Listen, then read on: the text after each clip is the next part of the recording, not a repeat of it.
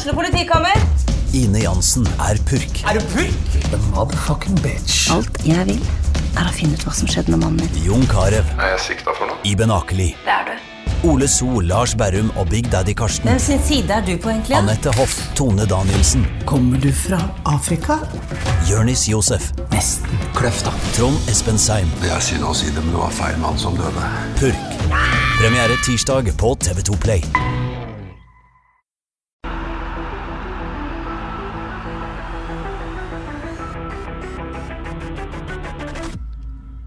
Ja, velkommen til episode 50 av Frelst. Eh, For de som bare hører lyd, mitt navn er Terje Flateby. Eh, For velkommen til min faste makker Odd Kåre Grøtland. Velkommen, Odd Kåre. Tusen takk, Terje. Ja, Vi prøver noe nytt i dag i denne jubileumsepisode 50. Ja, det er nummer 50 i dag, ja. Eh, burde vært kaker og skolevoller, burde det ikke det? Men vi får ta det igjen. Men denne, dette verdensviruset, som en eh, kjent eh, journalist i Haugesunds Avis kaller det, eh, dette skaper begrensninger for oss også, så da må vi gjøre det digitalt på denne måten. Det Funker vel det òg? Eller? Hva sa du nå? Unnskyld, det funker tydeligvis ikke så godt. Men eh, vi eh, kjører på. Eh, velkommen til deg, Jostein Grinhaug. Ok, Nå hørte jeg ingenting av det du sa. Nei, jeg nå? kødder med deg. Ja, du bare tuller. Ja, jo, takk for det. Det er veldig Eh, og Og er du må komme nærmere høyttaleren, så du hører. Hører du meg nå, Jostein? Ja, nå hører jeg deg. Men nå, nå Ja, så- ser jeg deg litt for mye. Men du Jostein, sånn som dette er jo blitt vanlig. Er du vant til disse digitale møtene òg etter hvert, eller? Eh, ja, har hatt eh, både noen spillersamtaler og litt med forbundet. Og det er vel det meste av kommunikasjon eh, skjer gjennom datamaskin. Ja. Eh, Hva syns du om det, egentlig? Det er helt greit, men jeg, jeg er vel av den typen som liker å se, se det i rommet og se det i øynene i det samme rommet. Ja, men Da er vi enige om det. Men vi får eh, klare oss med dette inntil videre. Så ønsker vi velkommen til siste gjest, FKH-blogger Johannes Husebø. Kjekt at du kunne komme. Bare hyggelig. Kjekt å få være med. Ja, du er ruttis på dette du har der. Ah, brukbart, brukbart. Det er jo blitt veldig hverdagen nå, så det går fint. Det går fint. Glimrende. Ehm, jeg tror vi skal begynne rett og slett med kanskje det som skjer i neste uke. Torsdag kom jo denne nyheten om at seriestarten er utsatt. Eh, Så til å begynne med det, Jostein. eh, Hvordan, eh, det var vel en grei avgjørelse, kanskje? eller? Ja da, så som det har utvikla seg det siste uka, så eh, var det ikke noe vei utenom. Og det at du får tatt en avgjørelse er vel gjerne det viktigste for oss, så vi vet eh, hva vi har å forholde oss til. Det er tungt å gå de der 14 dagene, og så blir det nye retningslinjer, og så er det 14 dager til. Da, da er det bedre å bare smokke det i bordet, og så vet du hva du har å forholde deg til. Ja, men Hvordan påvirker det dere egentlig og det dere gjør hver dag? egentlig? Å få vite at nå er seriestarten utsatt en hel måned? Ja, altså det som jeg har sagt siden denne korona starta, du må være forberedt på sånne ting. Og du må snu deg rundt, og så må du hele veien eh, prøve å legge forholdet best mulig til rette for, eh, for spillerne, først og fremst. Sånn at de holder motivasjonen oppe og trykket oppe. Og så må vi rundt henne ha den samme sulten. så det det er blitt en sånn rundgang som eh, vi er vane med, men det, det er tungt å gå og trene og ikke ha noe å hva skal vi si, konkurrere om. Eh, Så det, det er ikke ønskelig, men eh, forståelig. Ja, jeg snakka litt med, med noen spillere i forrige uke, og de, de innrømte at det er på en måte tungt eh, ikke ha denne konkurransen å se fram til. Og, og, men hvordan, eh, hvordan løser dere det? Hvordan jobber dere med det?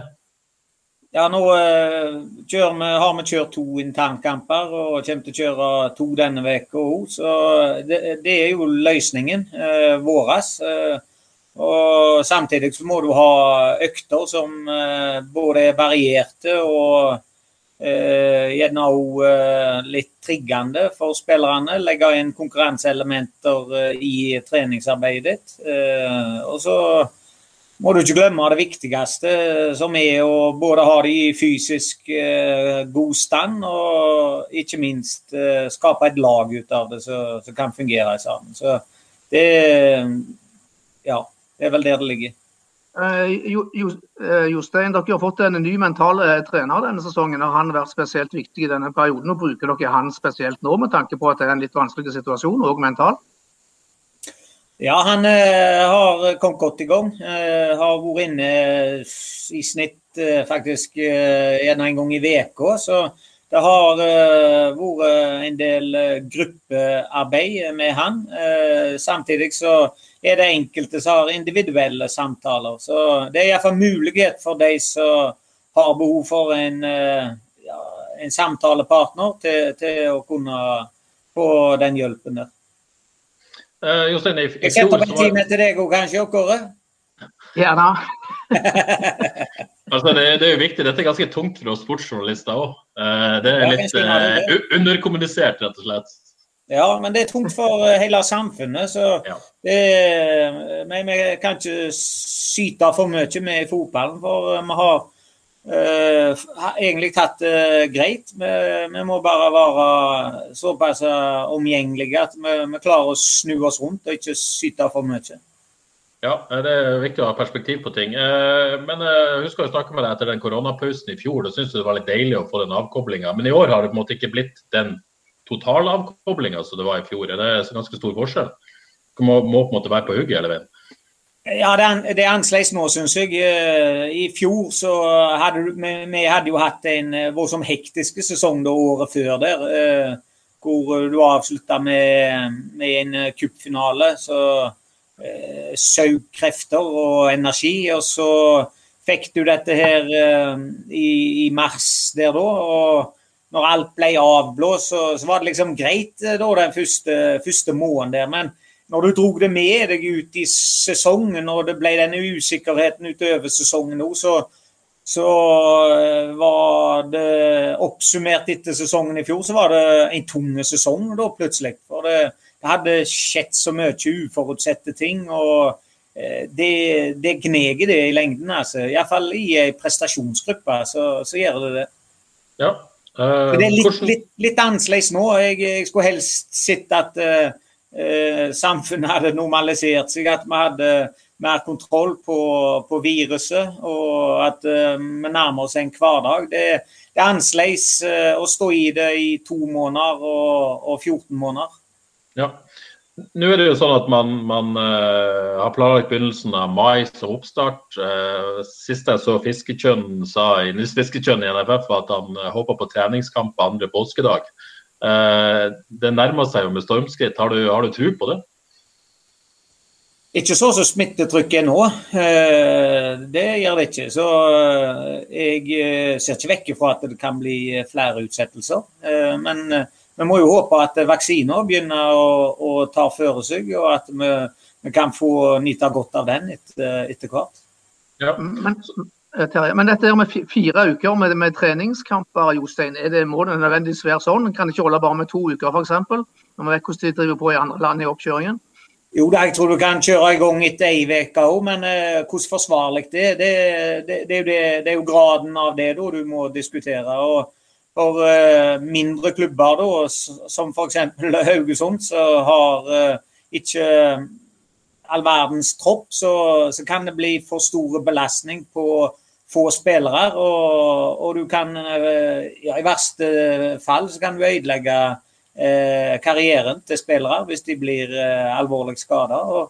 Du har allerede nå eh, to-tre eh, alvorlige korsbåndskader i, i tippeligaen. Så det, det, det, er sånne ting du må hele veien vurdere det opp mot. Altså Det helsa til spillerne så er det viktigste.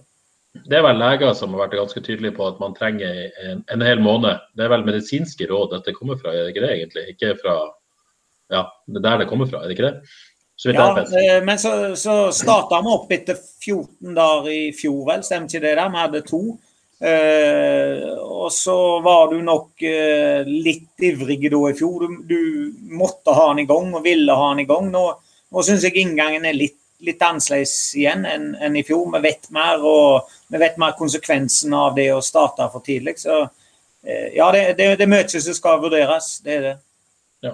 Nå er jo alle i samme båt, men jeg regner med når dere måtte starte i januar og har et opplegg, så legger dere opp mot at Ok, det skal være start andre påskedag. Eh, og så blir det på en måte forskjøvet en måned. Hva, hva, betyr det i hverdagen for dere? Skyver dere på ting? På, på, en måte, hvordan har dere lagt opp det? Ja, eh, du er nødt for å stoppe opp og så kikke på både mengden trening og intensiteten i hver enkelt trening. I utgangspunktet så får du jobbe litt mer med laget, du får jobbe enda mer med relasjoner. Men du får ikke prøvd ut i kampsammenheng. Så eh, noe av det blir spist opp av det. Eh, og så er det mest den mentale utfordringen, for du, du, føler du er på gang, og så vet du at eh, ja, men du må drøye den ennå fire-fem uker før du skal få, få bekrefta det. Så det, ja, du, du, ligger i en skvis der hele veien som er, er vanskelig. Altså Vi snakker om spillere har det tøft og sportsjournalister har det tøft, men dere eh, trenere da, og apparatet rundt, det kan ikke være bare lett for det, dere heller? Nei, det er jo ikke det, men tøft og tøft. Du var inne på det, få perspektiv på det. Jeg var på vei til jobb i dag og havna i ei trafikkulykke og satt og holdt ei 70 eh, år gammel eh, dame i, i nedbane. Så altså, vi, vi er friske, raske, vi lever i kohorter. Vi, vi har ingen sånne eh, problemer med det. Vi, vi, vi er ikke ei utsatt gruppe. Så de problemene vi har, det er småtteri i forhold til, til hverdagen. Det er vi helt enige om. Det er viktig å ha perspektiv, som vi snakker om. Men, eh, men eh, du snakker om internkamper. Det er en måte, en måte i hvert fall, å løse det som midlertidig. Jeg kan jo nevne at Dere har to internkamper denne, denne uka. Til helga så håper vi å vise en av de på havis.no. Har spillerne tatt godt imot disse internkampene? Eh, om, om spil, ja, spillerne har sett voldsom pris på det. Eh, de ønsker å, å, konkurrere og få sitt eh, og bekrefte at det vi holder på å trene på hver dag, eh, bærer frukter. Eh, det vi har gjort, vi, legger inn en, en frihelg i Eh, i påsken der, inn mot andre, andre påske, første påskedag der, så tar vi fri fire dager. Så det er jo en måte for oss å løse opp litt, litt på. Men så får du da problemet igjen, for at de, de er begrensa i hva de kan utøve og gjøre rent sånn sosialt. Så det er litt som med skolene. Skal du stenge de ned, eller skal du helle de i gang? Så er det med spillerne her òg. Altså, stenger du ned øktene og gir de en, sånn, en eh, pustepause, så har de egentlig ikke så mye å ta seg til heller på fritida. For alt er så begrensa. Nei, dette, dette, nevnte jo Palle snakka man i forrige uke, at eh, ok, hvis de bare får lov å sitte i leiligheten, så er det jo kjekkere å gå på trening med kompiser, ja. i hvert fall. Så, så ja. det, det, er jo et dilemma, helt klart. Ja, det er det. Ja. Eh, Johannes, internkamp, gleder du deg til det?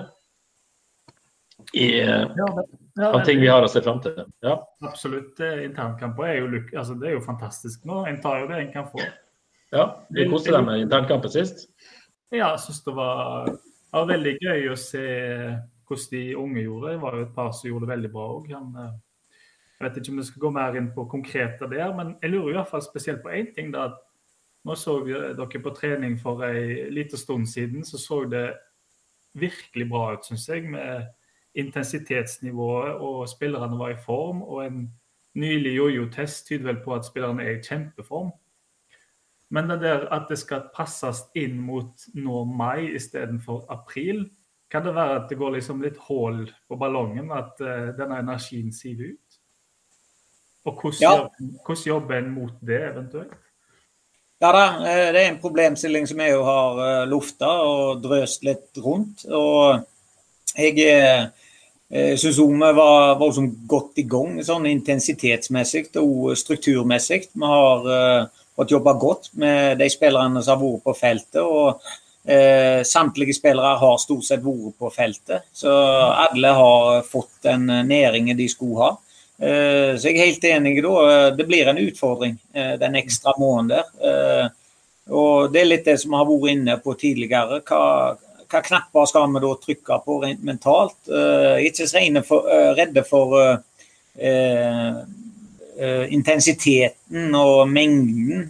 det skal vi nok klare å styre. Men det, det er mer det der som skjer i, i hodet til spillerne. Altså. Men eh, hvis vi klarer å se vekk fra korona og manglende treningskamp og alle begrensningene, eh, det dere har på en måte gjort på feltet i vinter, ikke, hvordan har det vært for dere? Er du fornøyd med det dere har fått gjort og der dere står nå? Ja, eh, jeg er det. Eh, for det første så kom de tilbake i, i bedre eh, fasong og shape eh, enn året før. de har Eh, som jeg nevnte tidligere, så har alle vært i trening når vi starta opp i slutten eller midten av eh, januar. Eh, sånn at vi har fått det fysiske på plass, og vi har òg kunnet starte tidligere med spillere i roller. Og vi har også sett mer på strukturen i laget og jobba med strukturen i laget mer enn vi har gjort tidligere.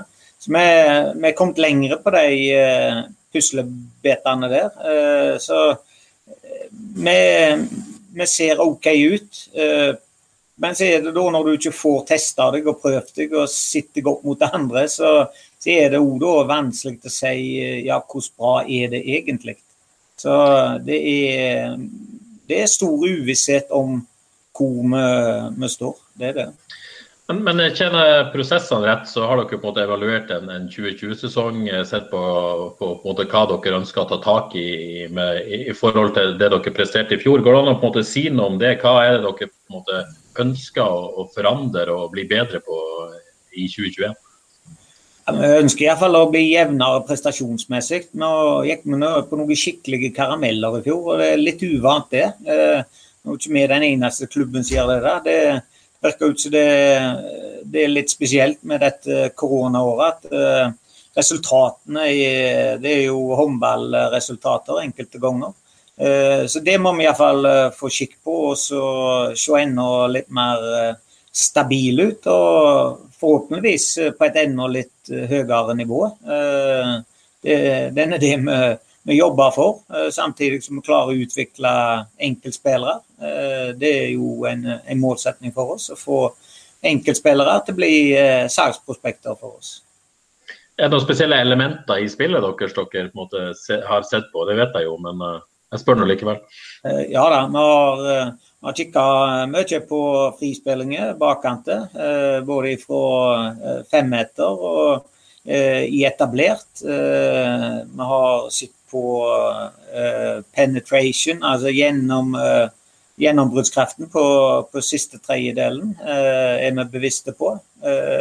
og så er det presspillet vårt. jeg syns ikke, synes ikke det var stabilt godt nok. OK i det lave presset, så igjen gitt et OK overgangsspill. Men det høye presset vårt var, var ikke sånn som vi, vi ønska. Jostein, vi har hørt spillere som har sagt de siste ukene at dere skal spille mer med høyt eh, press i år. Det gleder for så vidt meg. Men er det, er det rett, rett, at vi kommer til å se at FK skal presser mye høyere og, ja, i år? Ja, da, men det, det, tror jeg en alle samtlige lag sier, at de ønsker et uh, høyt press. Men så, så blir uh, motstanderne bedre å løse opp uh, i det presset. For du øver samtidig på å bli bedre i frispillingen din. Så du må Du ønsker et tøffere, mer aggressivt, intensivt, høyt press. Uh, og det bør vi kunne klare, men i enkelte kamper så møter du motstandere som er flinke til å spille av det presset der. Og da må du jo justere det etter det igjen. Men ja, vi skal altså bli bedre i, i presspillet vårt. Ja, takk. Johannes, har du noen tanker om det som, eh, som Jostein sier i forhold til de, de, tingene de ønsker å bli, bli bedre på i 2020? Ja, jeg, eh, jeg, legger jo merke til at eh, det er utvikling i spillet. Og selv om fjoråret kanskje kan regnes som et Eller kan jeg vel spørre om det kan regnes som et mellomår, så var det jo en del variasjon i presshøyde. Det så ut som planen var liksom å lokke ut motstander for å gjerne sende Baji gjennom, eller noe sånt. Men jeg tenkte på det jo Jeg har hørt i alle fall da at en skal bli mer FKH, mer hissig, mer direkte og den slags. Er det, er det sånn det skal være, eller vil en jobbe videre med denne utviklingen av spillet? For jeg syns jo det har kommet noen fine element i spillet som jeg skulle gjerne sett det ble tatt vare på.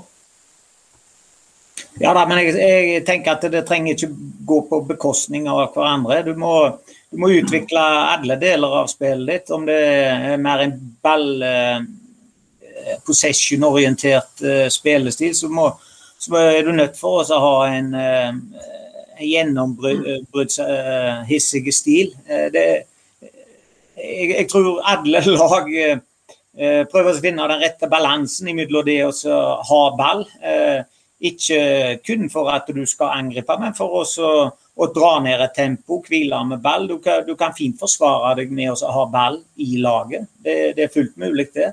Eh, men det må, være, det må være et skifte eh, fra det å være ballbesittende til å kunne, kunne angripe. Så Den balansen der det er jo den eh, alle lag leter etter, eh, tror jeg. Eh, hva hva tid skal du uh, kjøre den eh, gjennombruddshissige, og tid skal du bevare ball. Det, det, ofte i kamper òg så har du eh, momenter i kampene som innebærer at her må vi ha mer ball i, i laget, kontra det å bare kjøre på framover. I fjor så var det jo voldsomt todelt at du hadde Vaggi den siste halvdel. Eh, og da, justerte du litt. Du fikk en litt ensom ulv eh, på topp der, så du liksom lot eh, jakta, mens vi andre gjerne trakk oss litt tilbake. når vi vant ball, så var det bra hurtighet i, i, det vi holdt på med. Men samtidig så har vi tatt et steg med ball. Vi bruker ball mer enn det vi har gjort, iallfall under meg, og gjerne det siste året til, til Hornland og Oskar, hvor du eh, gjerne kontrollerte det mer, la deg litt bakpå eh, og kjørte, kjørte, et overgangsspill. Mm. Har du en der, hvor bare, Det er et vanskelig spørsmål og kanskje et dumt spørsmål, men en slags idealversjon av FK? Har du noen sånne bilder av hvordan det skal se ut? da? Hvordan, hvordan dere skal framstå? Uavhengig ja, det, av liksom? Ja, det er å prøve å beholde litt den kulturen som vi har bygd opp her, med, med et, eh, et, ekkelt lag da, som springer mye. Eh, som eh, har et bra presspill.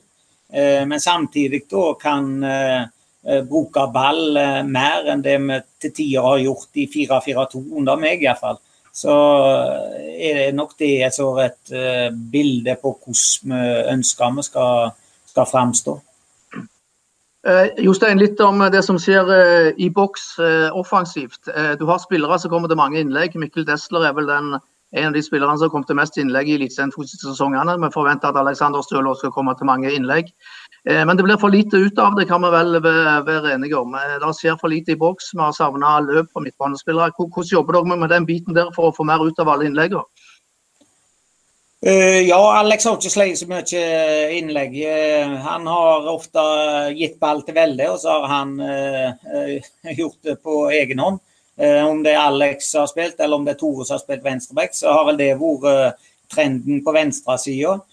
På høyresida så har vi hatt en del innlegg. Kvaliteten til Mikkel har vært so-so på innlegget. Så har vi ikke hatt en typisk boksspiss til oss å siden Martin forsvant, så har vi ikke hatt den der eh, typiske eh, nierspissen da, eh, som, eh, som fyller opp i boks. Vi hadde eh, Kjellmann og vi hadde eh, Amitsbøl, men eh, vi fikk ikke nok ut av de to til å kunne si at vi ser farlige ut med innlegg uh, fra sida. Så det er nok en kombinasjon av de tingene som jeg nevner der. Ja. Men har dere, har dere vurdert å hente en spiss på 1,95? Som kan hente inn disse innleggene? Ja, eh, nei, jeg har ikke vurdert det, men eh, vi, vi kunne helt sikkert trunget inn i sortimentet vårt, for å si det så. Eh, har du Vaggi, så har du en annen type spiss. Skal du hente en som komplementerer han, så, så, må du jo hente den typen som du sier. Men så, så vet du voldsomt godt at det er begrensa hva og hvor mye vi kan hente inn av spillere. Så har du en, en Andy da, på ca. 1,90. Eh, men han kan ikke heade. Eh, men han òg har andre ferdigheter. Så det, det er til hver tid da, eh, hva du har av eh, ferdigheter i verktøykassen din, og så må du prøve å sy de sammen så, som best som mulig. Og, eh, Altså, Hadde du hatt dobbel dekning og kunnet hente inn det du ville, så hadde sikkert vi jo sett litt annerledes ut. Men dette høres ut som en eh, fin og glidende overgang. Dere er allerede i gang med å snakke litt uh, spillelogistikk. Ta litt styring her igjen, dere er jo helt uh, ustyrlige. Men uh, for å snakke litt om stallen, da, Jostein. dere har fått inn, fått inn, Egil Selvik, dere har fått inn Petter Tirkelsen og dere har fått inn Badou. litt først tanken om, om de signeringene, tanken bak de tre signeringene. da. Ja, eh, Keeperplassen har vi jo eh, ønska inn en keeper eh, de to siste årene, vel. Og nå fikk vi inn Egil. Han har gitt oss bra trøkk i, i keepergruppe. Så der har det skjedd vekst på alle tre. Både på Helge, Egil og Frank. Ganske tett imellom de tre. Alle har sine ting som de er bra på. Så det er alt etter hva du ser etter der. Torkel syns jeg hadde en fin uh, inntreden i fjor høst. Uh, han uh, står for noe som alle lag egentlig trenger. Er, er løpssterke, har fine fysikk, fine høyde. har evnen til å komme inn i boks. så han er jo en av de JK-ere som med innlegg bør fylle opp i boks. det trenger ikke være en svær nier som stonger inn ballene. Det kan godt være Eh, en type som Torkel, eh, altså den type fotballspiller. Eh, det ønsker vi å prøve å få til med, med Torkel. At han blir en spiller som er involvert i mål, enten med direktemål eller assist. Badou fra Sogndal. Han har kommet inn med masse energi, vært sånn fin type. Eh, det som gjerne kjennetegner både Badou og Torkil, er at eh, de er glad i fotball. Altså, de leker fotball, og de, de syns det, det, er kjekt å spille fotball. Og Sånne typer er det, er det kjekt å jobbe med òg. Eh, fine fart på Badou, fine kraft i, i gjennombruddet sitt på siste tredjedel. Rufsete, altså rufsete i touchet sitt, har for mye balltap ennå. Må bli bedre på vurderingene sine med ball.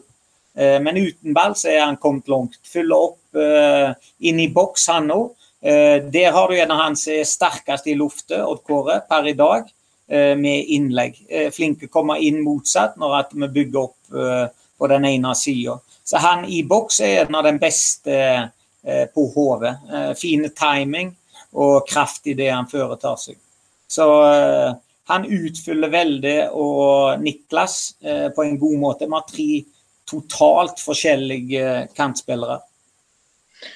Så er det vel sånn at uh, dere fortsatt er i markedet, Jostein. Eh, kan, det er vel ingen hemmelighet at dere uh, forsøker å få inn en spiss til. Uh, er det midtbanespiller òg som står på, på ønskelista di?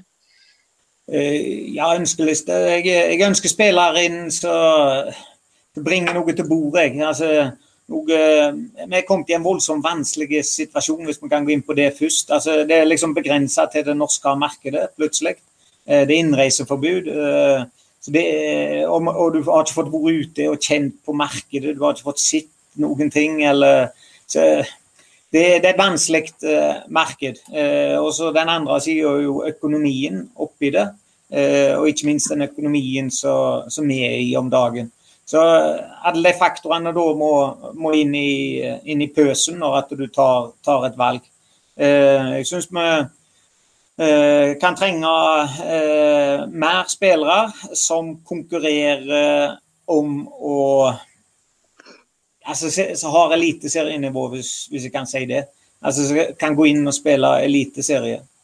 Eh, hvis vi ser på de 16 utespillerne som vi har. Eh, så hvis du da tar Mats Sande og Gunnar Sau eh, og Andy, så er det tre spillere som ikke har spilt noe seers med, med eliteseriefotball. Da har du 13 spillere igjen.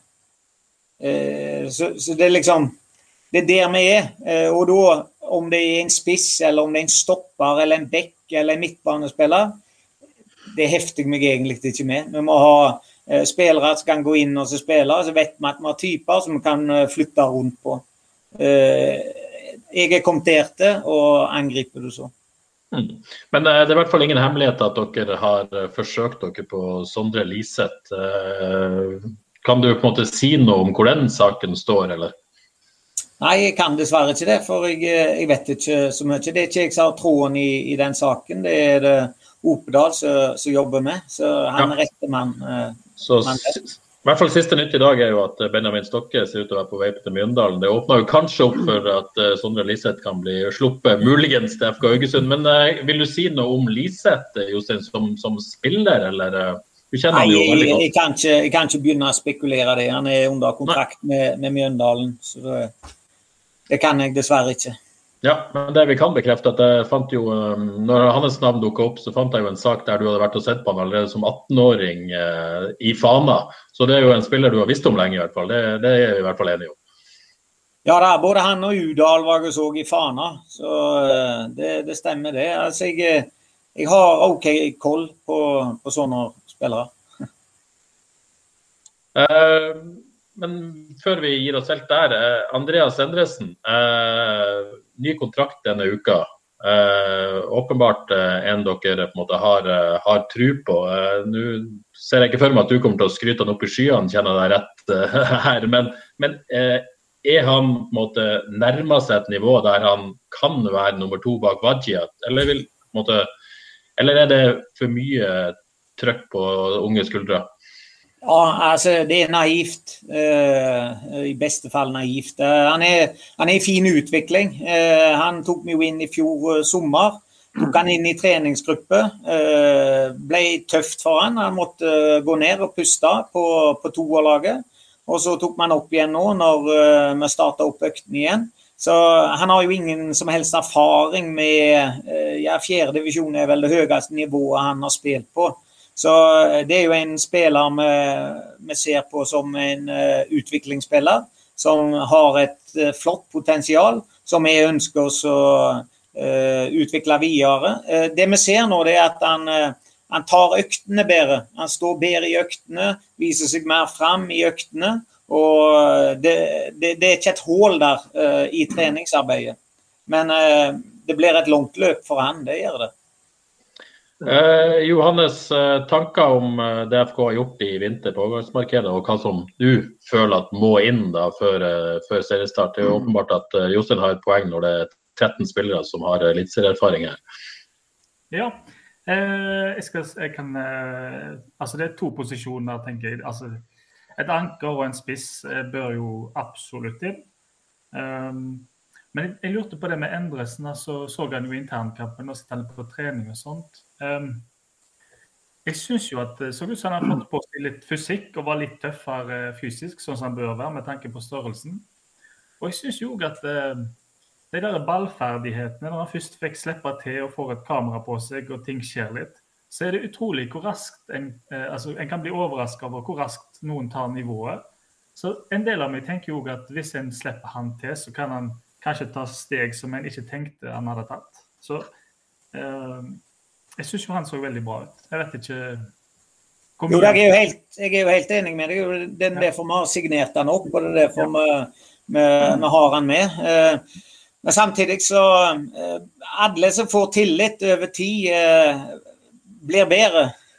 Men om du blir så god at du går inn og skårer de 8-10-12 målene i løpet av sesongen, det, det er et stort steg, altså. Eh, og det, vi, vi, må ikke, vi må ikke bli eh, naive i forhold til unge, unge spillere. Det, jeg, har, jeg har vært med så lenge her nå at eh, jeg kan med hånda på hjertet si at vi må ikke gå i den fella og tro at det er de som tar poenget for oss. Det, det, så er det ikke, altså. Men det at det er en kort vei til å få den spilletida, det er vi jo forplikta til. Mm. Hva ser du for deg at han, han kan få det av spilletid i år, sånn cirka? Har du noen tanker om det? Ja, sånn som nå, så eh, hadde han sikkert starta eh, kamper, han. Hvis vi ikke har flere spillere enn dette, så vil jo han starte kamper i Eliteserien. Ja, for det var jo veldig sånn som når Stopple fikk sjansen i fjor bort mot Godset der, så fikk iallfall jeg en sånn der wow-opplevelse at oi, det er såpass nivå på han. Ja, og Det ser du litt med han Claesson i, i Vålerenga. Han, han redda ikke poeng for de han den første halvdelen av sesongen der, og han gir ennå tabber. Men uh, det er noe med det da å stå med han, ta det valget. At uh, han kjører vi på, bestemmer oss for at han, han går vi for. Og med Frank Stopple, han er vel gjerne den som har hatt det høyeste toppnivået på treningene frem til nå. Er det litt sånn som når dere satte inn Jokke som 17-åring i 2009 og bare han skal være venstrebacken vår, og, og, ga han tillit? Er det en sånn case? Ja da, men da var du et middels Adecco-ligalag. Eh, ja.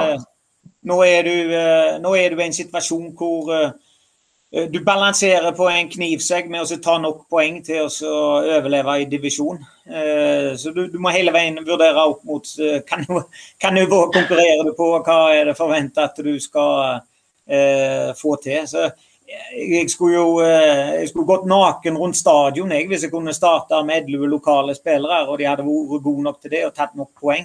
Altså Ingenting hadde gleda meg mer enn det.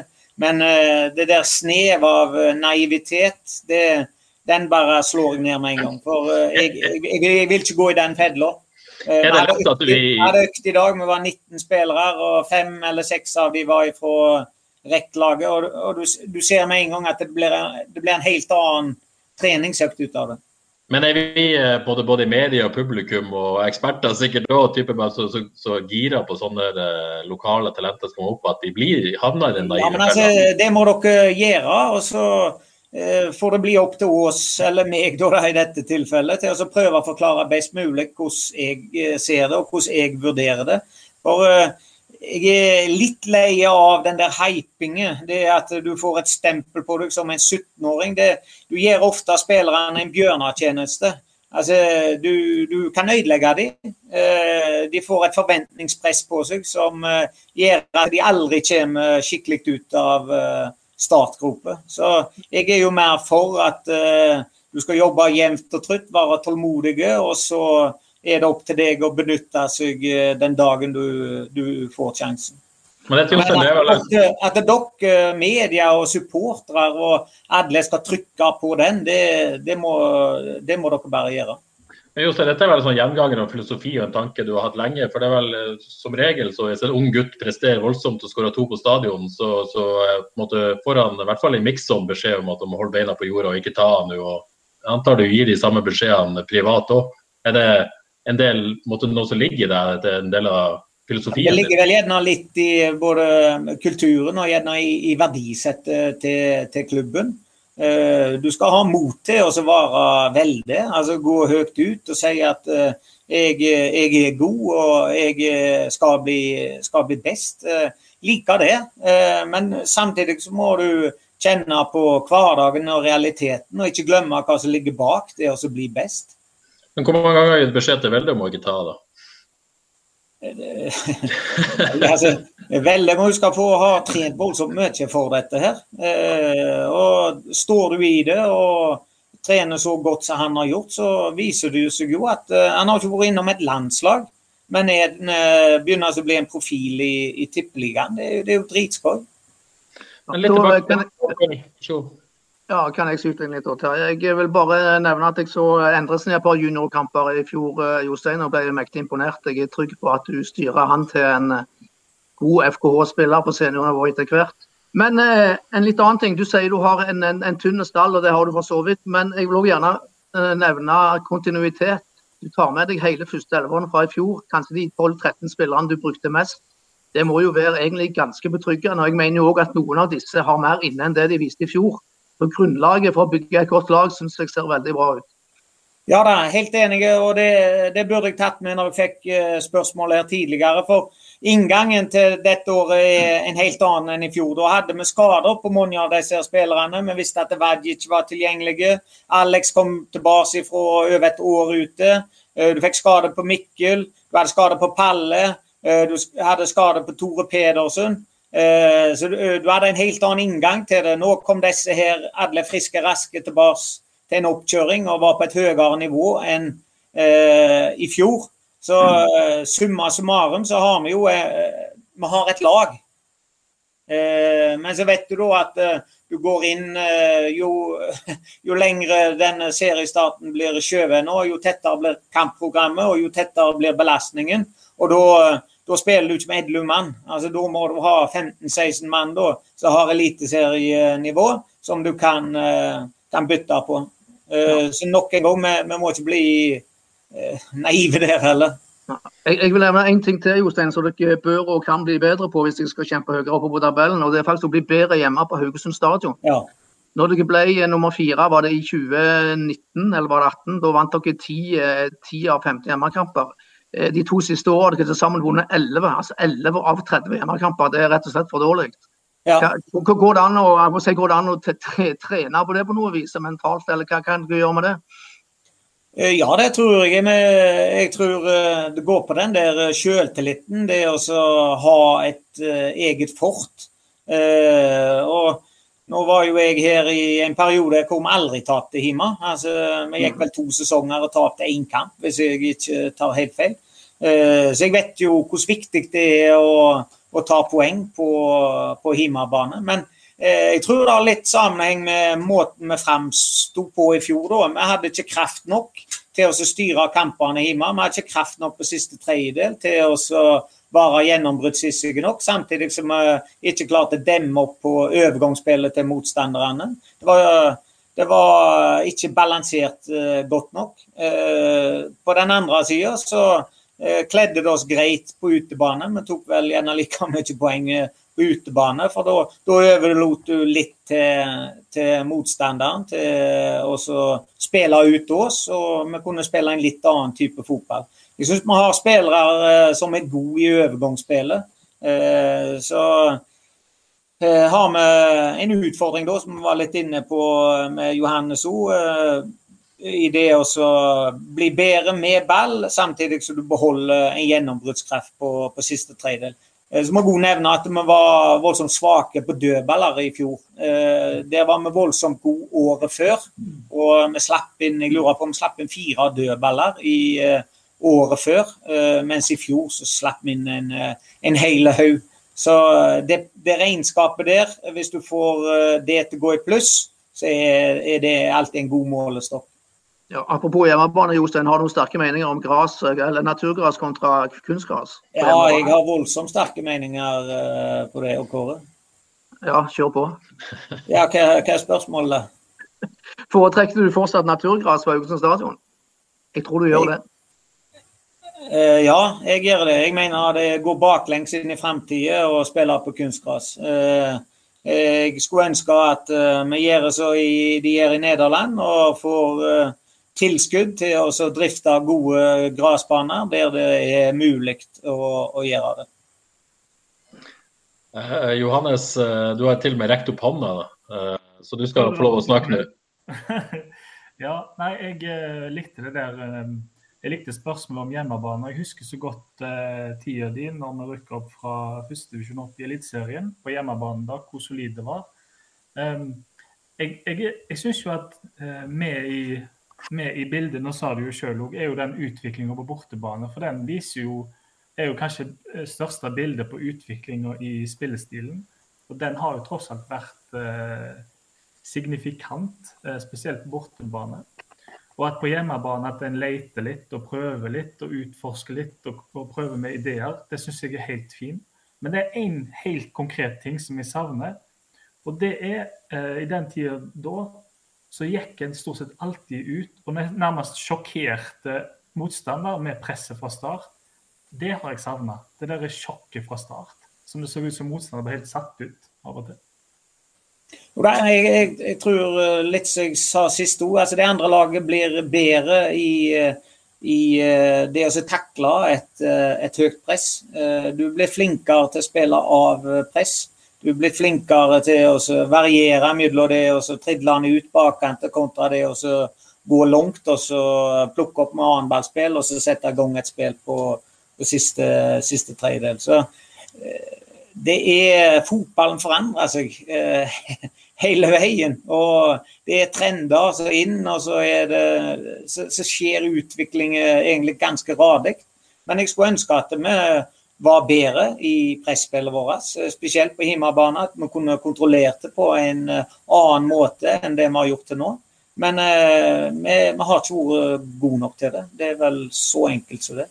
Ja, men bare litt Jeg føler iallfall at, eh, at en hogg til mer tidligere. At en avventer stort sett litt nå, hvor en gikk helt respektløst ut, følte jeg, og hogg til. Og at motstander, selv uavhengig av presshøyde, så ble motstander litt satt ut av at oh, wow, hva som skjer her? Du er noen år tilbake i tid da, Johannes, tror jeg. Altså, ja. uh, jeg tror de to, år, de to, siste årene med meg så har vi ikke fått uh, særlig til det høye presset. Og Oskar og Horneland kontrollerte òg mer kampene. Det ble en del overgangsspill. før det så var det vel Dems hadde vel en sesong der hvor det Ja, det var vel so-so. Så, så vi, vi, må nok tilbake en eh, fem-seks år i tid før Ja, vil jeg tro. Yes, uh, før vi runder av, du skulle gå uh, halv tre, ikke sant Jostein? ja, nei, nå har, jeg, nå har jeg fått ordna meg, jeg. Det skjedde, ai, ai, ai. det skjedde mye i går kveld. Uh, Kona er på legevakten, så hun måtte, er på jobb der. Og så var det unger som måtte være hjemme med sånn skole som ikke fungerte i dag. så det men nå har jeg ordna meg uh, alt, så nå kan jeg sitte til morgens. Ok, Da stresser vi ikke, men vi skal love å ikke holde etter morgens. Da har i hvert fall ikke jeg tid til, selv om det er aldri så kjekt. Det var veldig kjekt. Men uh, før vi går over til siste bolken min. Johannes mener tydelig at man bør få inn en, en, en alternativ som anker til Krygård. Du så vel etter at Tronstad forsvant at det er selvfølgelig en viktig rolle i dette laget. Uh, fra i fjor så har du mista Kristian, som var et alternativ i den rollen. Jokke er langtidsskada, mista et alternativ der. Har du, sånn som du ser på at alternativet til Krygård, er du på en måte komfortabel sånn som stallen er nå i, i, den rollen der? Ja, Hvis vi skal begynne med øh, Du henter jo ikke en Sondre. Altså, det er jo klinke mulig for oss å hente en Sondre.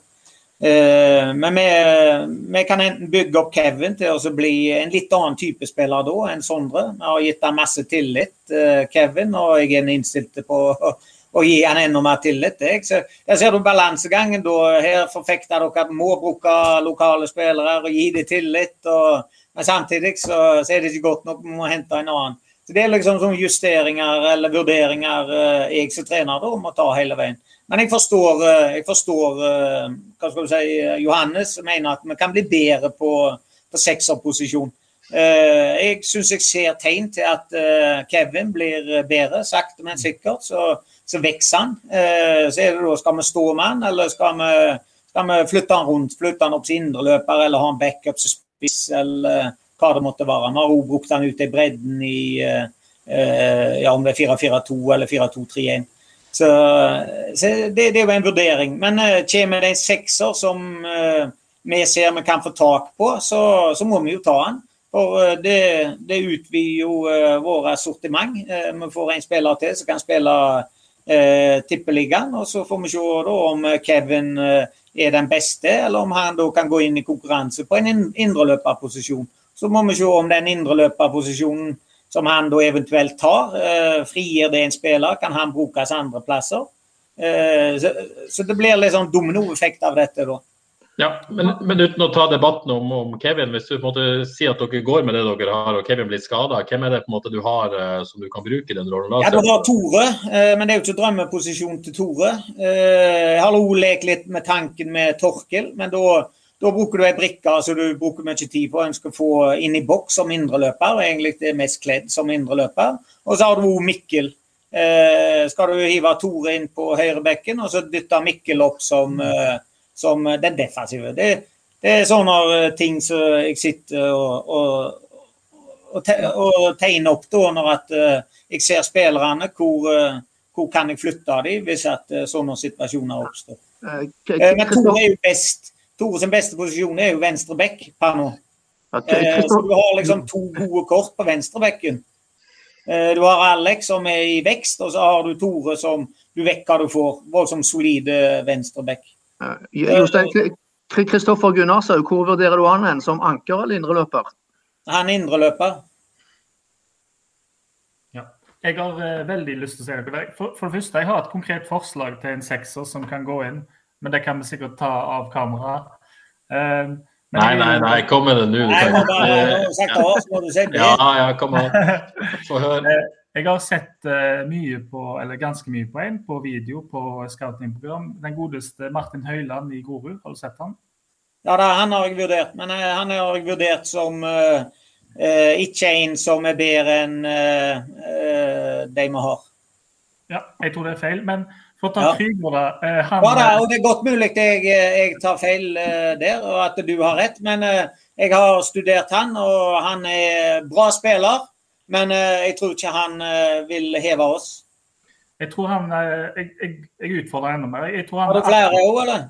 Jeg tror han er akkurat det som trengs, fordi han, eh, sånn, han har tempoet. Sånn som han jager opp eh, indreløpere og får press i gang. Det er helt fantastisk å se på. Men jeg syns jo Krüger har eh, de to siste kampene, var det vel, og i internkampen, så har han fått en viss sjøltillit. Men han må jobbe utrolig mye, syns jeg, med å være mer aggressiv og mer tøff i valgene eh, framover. Han kan ikke være en som strør ball og triller til side, sånn som han har gjort altfor mye. Han må være tøffere i valgene, sånn at laget kommer seg framover. Og så syns jeg òg at han ser mest komfortabel ut med ball og bruker kortere timeball jo nærmere mål han kommer. Det som har sånn spissgen i seg, at anker, da er en innstilt på at nei, nå skal jeg bare trille fram og tilbake, og ikke er, er tøff nok. Det, men det kom seg litt på slutten, syns jeg. Ellers vil jeg jo kjapt skyte en der at jeg syns Desler som anker er kjempespennende, eh, fordi du har Tore og du har Ulrik som er veldig bra på høyrebekk. Ja da, og det, er jeg er enig med det. Uh, Desler kan brukes som, uh, som anker, det kan han. Yes. Um, før vi gir oss, Jostein. Du, du mista assistenten din uh, i løpet av de neste 14 dagene, muligens.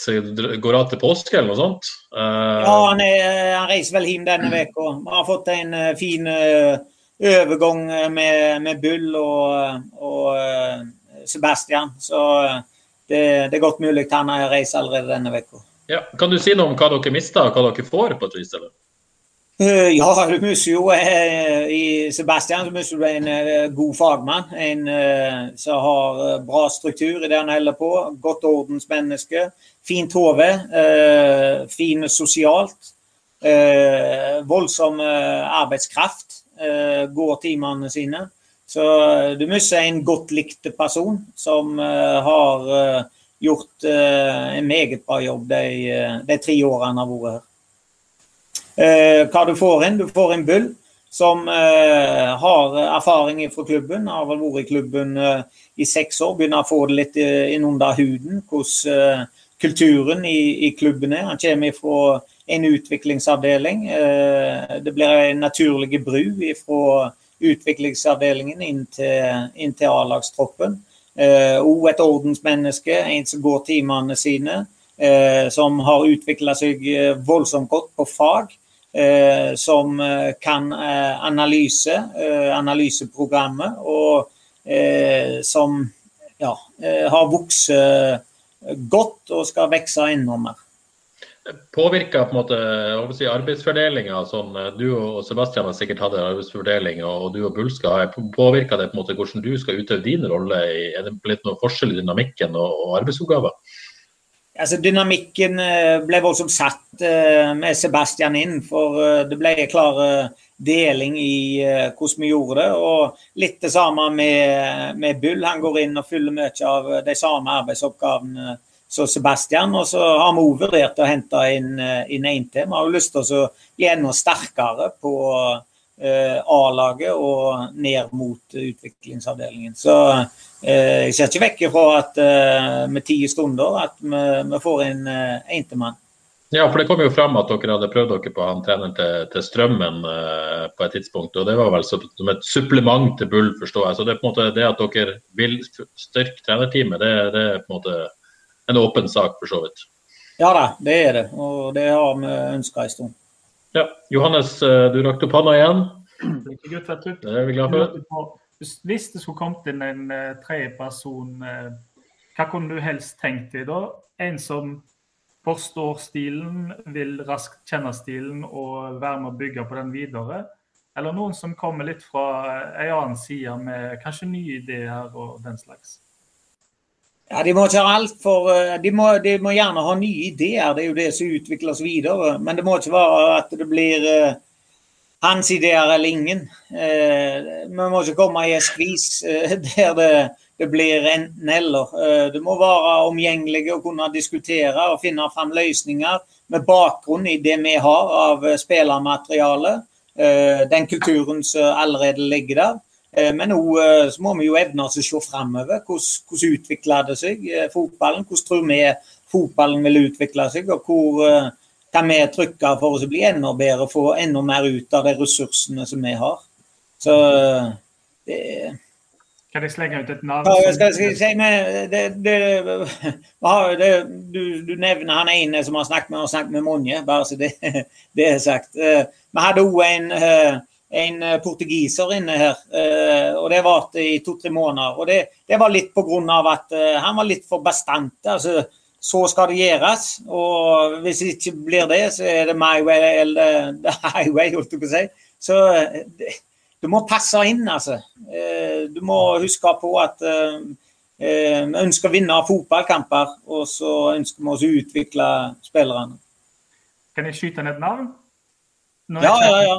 Nå er ikke han aktuell lenger fordi han Nei, men da trenger ikke spille han inn, da. Nei, jeg bare lurte på om dere Jeg tror kanskje dere har prata litt mer nå, men det er iallfall et eksempel på en som kommer med litt eh, tenker kanskje litt annerledes som fotball, men som har spilt i FK junior og er lokale. Den godeste eh, trenertalentet Sindre Kjelmeland, som er gått til Kisa. Ja, da, han er gått til Kisa, så det, det stemmer, ja. det. Men de tankene om fotball, en mer ballbesittende stil, eh, kunne han vært noe, f.eks.? Ja, han hadde, han hadde, helt klart vært et alternativ. Han hadde ikke han vært i Kisa. Okay. Ja. Et kort uh, spørsmål, Jostein, tilbake til de spillere. Eh, Tobias Guddal, eh, lovende midtstopper i ja. 19, bare 18 år gammel, ser ut til å havne i Bryne etter å ha vært litt rundt forbi og fått mye skryt. Eh, har FK vært interessert i han, eller hva tenker du om han? Eh, ja, jeg kjenner jo til han eh, Tobias. det er jo en jeg har kjent siden ungdomsfotballen og spilt med guttungen min.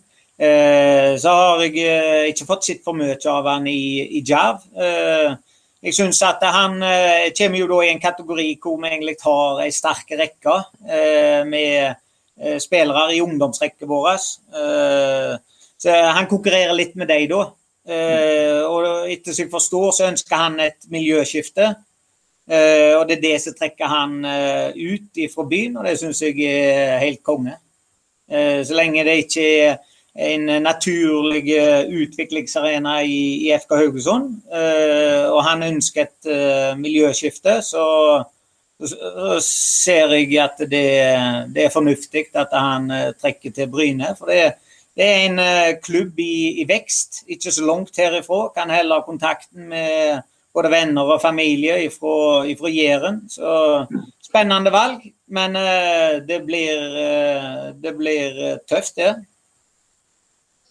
Så må jeg spørre Jostein eh, om deg sjøl. Eh, det var noen som mente du så litt sliten og lei ut i fjor på et tidspunkt. Det avviste du jo kontant. Eh, hvordan er følelsen nå? Men det, det, kommer jo en sesong på et eller annet tidspunkt her. Er motivasjonen på topp? Altså, du, du blir jo farga og prega av både den siste økta og de siste resultatene. Men uh, i fjor uh, og de to siste åra har faktisk to av de bedre og kjekkeste jeg har vært med på. For det er mer struktur i, i, det vi holder på med. Det er mer avklart arbeidsoppgaver. trives godt med den rolla jeg har. Trygg i den rolla jeg har. Og jeg, jeg trives i jobben min. Men så er det alltid det der da Når skal du gi deg? Når er det best for klubben at andre drar det videre? Så Det, det er hele veien de spørsmålene som detter ned i hodet på deg. Men at jeg eh, trives i jobben min, det skal dere aldri eh, tvile på. Og eh, sulten er vel gjerne eh, mitt eh, sterkeste eh, kort. Jeg, jeg, er sulten og jeg har motivasjon og trykker til. det er jo det er nesten det jeg, jeg lever på her. Men er det litt sånn også at du, du har kanskje forandra deg litt i media, etter hvert blitt litt roligere i media, ikke så mye sitatmaskin. Er det med en gang du måtte ikke den gamle Jostein at folk mistenker, altså tar feil av det at du har utvikla deg, og det at du ikke er så motivert, liksom? Ja, altså skal jeg overleve her, vet du. Nå har jeg vært her i 10-12 år i en sånn fremtredende posisjon. og jeg syns det er godt å legge det bak seg. Altså, det har jeg vært gjennom. Uh, skal jeg overleve uh, i, i, lengre tid, så, så kan ikke jeg være på framsida eller i første rekke hele veien. Du må, du må skyve andre, og du må slippe andre til. Uh, og jeg trives godt med å være den som står i andre rekke òg, jeg. Altså. Jeg trives godt på en brune pub jeg alene over ei pils. Det er ingen problem. Ja, for som du sier, du har på en måte stått i det siden, siden 2009, er det vel uh, der. Uh, med noen års pause da, som sportssjef. Uh, ja, pause. Pause var en av de mest hektiske. Jeg vet, og, det, veldig, det, var jo faen meg et eventyr de der to årene der. ja, du kunne gjerne hørt mer om det en annen gang. Men, men det, klart, det, det, det, sier jo seg sjøl å stå i det og være så framtredende og gallionsfigur for FK Haugesund over så lang tid. Det, det er jo ikke bare bare det heller. Nei, det er jo ikke det. Og ikke, ikke på Haugalandet, hvor det er ja, det er noen liker deg, og noen misliker deg, og så er det noen som er likegyldige oppi dette her. Så du, du har hele spekteret. Men jeg prøver nå å uh, stå i det, uh, om det går godt eller om det går dårlig. Gjerne være enda mer fremtredende når det går, uh, går dårlig. Det er en av de viktigste jobbene jeg har. Og så prøver jeg å eh, bevisst ikke være eh, Få trynet mitt eh, i fremste rekke alltid. Det, jeg tror alle har godt av at det, det er andre som får både si og mene ting. Så, så, føles det jo veldig rart å ikke stille spørsmålet. Du, jeg har jo stilt det et par ganger allerede, og sist vi snakka om det, så, så forsto jeg nesten at du hadde bestemt deg for å fortsette. Men du har jo en kontrakt som går ut etter sesongen. Eh, når uh, offentliggjør du en ny kontrakt, da?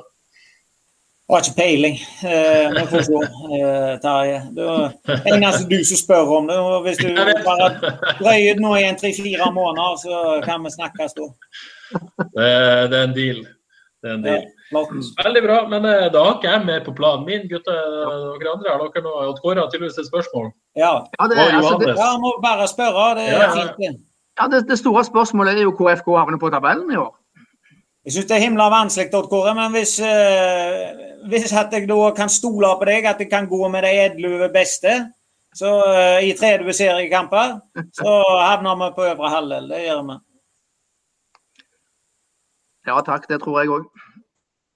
Jeg, ja, jeg hadde på, I notatblokka jeg hadde to veldig ulike ting. Der. Det ene var jo noen raske spørsmål om spillere og deres posisjoner. Jeg vet ikke om eh, det passer inn nå, men jeg går for det likevel, jeg. Jeg har tre spørsmål. Eh, kan Sandberg spille indreløper? Beste posisjon for Badou? Og hvem er foran akkurat nå, Ulrik eller Palle? Uh, begynner med, med, Niklas. Niklas kan helt klart spille indreløper. Uh, han har kvaliteter til det. Men så er det da sammensetningen i laget. Hvor vil han gjøre Ås best? Uh, han er ikke den beste defensivt, men han er, har god løpskapasitet.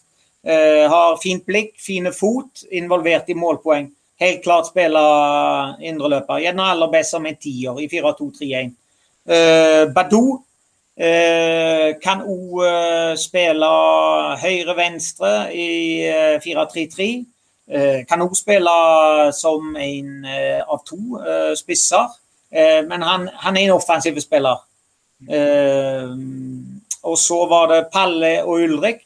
Palle har hatt sikkert den beste oppkjøring uh, som han har hatt. Han ser sprekere ut, mer mobilitet i kroppen sin. ser mer fitt ut, rett og slett. han sleit jo med skade på, med inngangen til sesongen i fjor, må ikke glemme det. Har hatt en helt annen inngang til sesongen dette året og ser meget bra ut. Ulrik er, er, en annen type stopper. Altså Han har andre ferdigheter enn uh, en eh, Palle. Palle er en, uh, den beste vi har til å rydde i boks. Han er mer en forsvarsspiller. Ulrik uh, er bedre i én-til-én, spesielt langs bakken. Har fart og kraft som, som sin forse. Benji har andre, andre krefter. Altså Han er flink i, i, strukturen, i det å være en leder, i det å sette i gang et spill. Eh, så det, det, er tre vidt forskjellige stoppere eh, som alle kommer til å, å, spille sine kamper for FK Haugesund. Men han eh, godeste Benji er vel eh, den eneste hva skal man si, slepne av de som, eh, som nesten må spille i mine øyne. da, men mens Altså Det det, det, vi har sett i en bakre fire. så er han den flinkeste både verbalt og ikke minst med ball, altså selve presence i spillet, så, så er han flink i, i en forsvarsfirer. Så han linker opp med enten Palle eller, eller, Ulrik har nok eh, vært det beste. Mm. Ellers syns jeg jo Ulrik var, var helt uh, overraskende god på høyreback når han har spilt der. Uh, både offensivt, overraskende god offensivt, og som du sier, det der én mot én defensivt langs bakken, det var jo ikke mulig å passere han. Ja, da, Han har hatt gode kamper som høyreback, og så har han hatt mindre gode kamper òg. Eh, så I utgangspunktet er han best som stopper, men eh, nok en gang òg eh, en spiller som kan eh, skyves litt rundt på. Ja. Ellers... Og det er jeg ikke redd for. Jeg er ikke redd for å skyve på spillere rundt eh, for oss å oppnå et resultat. Jeg bare siste der jeg eh, spiller, spiller nerd, men det med Sandberg i tida ble jo prøvd litt. Men jeg synes det han gikk glipp av, da var jo at han kanskje havna feilvendt litt mye. Hvor han i en litt fri indreløperrolle kan motta ball litt lavere, dra seg forbi ledd og, ha, og være rettvendt og ha mer oversikt. Jeg er enig i at i en fri indreløperrolle så kunne han uh, gjort det, men uh, i FKH sin måte å spille på, så, er ikke den der indreløperrollen så fri. Uh, mye, altså det er gjerne de to viktigste spillerne våre i, i presspillet. Eh, det er indreløperne. Når skal vi sette interesse, og da er det ofte faktisk indreløperne våre som gjør det. Glimrende. Da eh, tror jeg vi skal runde av. Et siste spørsmål, bare Jostein. Jeg kom på noe. Eh, Johannes sa i en podkast eh, tidligere at han på et tidspunkt takka nei til å komme til deg i Åkra. Ja. Eh, kan du bekrefte og hva syns du egentlig om sånne ting?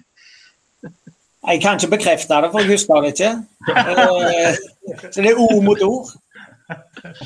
Nei, det stemmer helt sikkert. Eh, og jeg har stor forståelse for det at du eh, ikke orker å kjøre ut Åkra.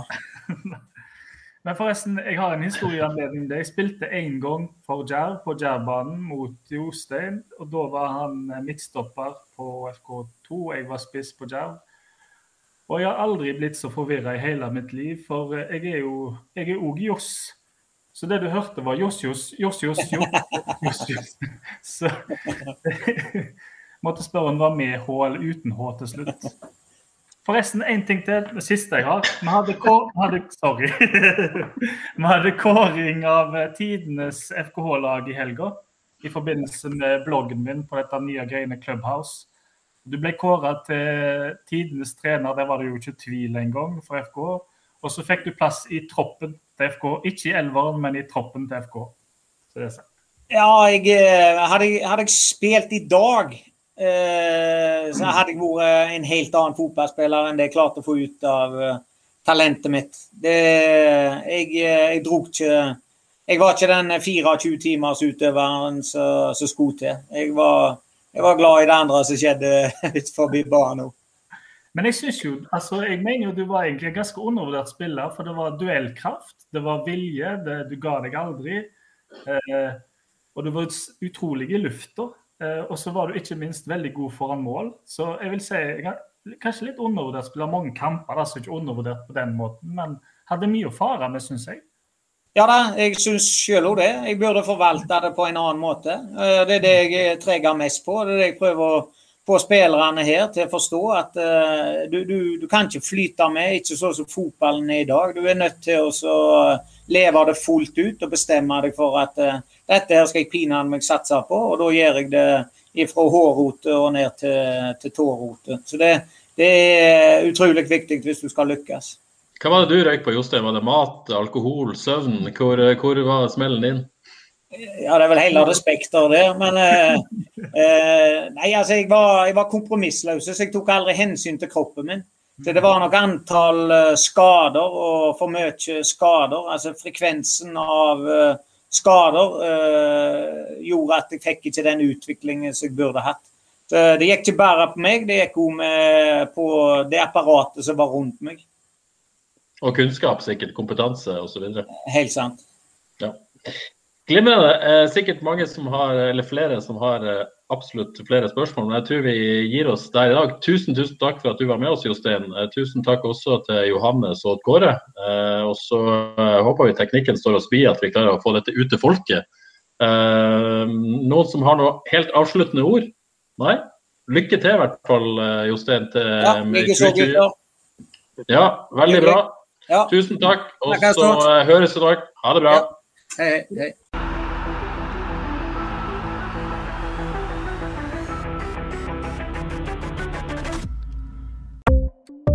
Ukens annonsør er HelloFresh. HelloFresh er verdens ledende matkasseleverandør og kan være redningen i en travel hverdag. Mange av oss har nok vandret i butikken både sultne og uten en plan for middagen, som ender med at vi går for de samme kjedelige rettene gang på gang. Middag burde være dagens høydepunkt. Som HelloFresh kan du nå velge mellom 25 ulike retter hver eneste uke, eller få HelloFresh til å sette sammen menyen for deg. Dette gir deg muligheten til å prøve nye og spennende retter alene eller sammen med familien. Du velger antall porsjoner og får alt levert på døren på et tidspunkt som passer for deg. Oppskriftene er enkle, og maten er lett å lage både for store og for små. Ved å få alt levert hjem får du også mer tid til å dele matgleden med familie og venner. Kanskje det frister med asiatiske tacos eller greskinspirert kylling? Da kan jeg anbefale deg om å gå inn på hellofresh.no. Her kan du bruke koden FOTBALL og få opptil 1779 kroner i rabatt på de første fem matkastene hvis du ikke har prøvd HelloFresh tidligere. Du kan også bruke rabatten hvis du har vært kunde og stoppet abonnementet ditt for tolv måneder siden eller lengre. Gå inn på hellofresh.no og bruk koden FOTBALL. Har du et enkeltpersonforetak eller en liten bedrift? Da er du sikkert lei av å høre meg snakke om hvor enkelt det er med kvitteringer og bilag i fiken, så vi eh, gir oss her, vi. Fordi vi liker enkelt. Fiken superenkelt regnskap.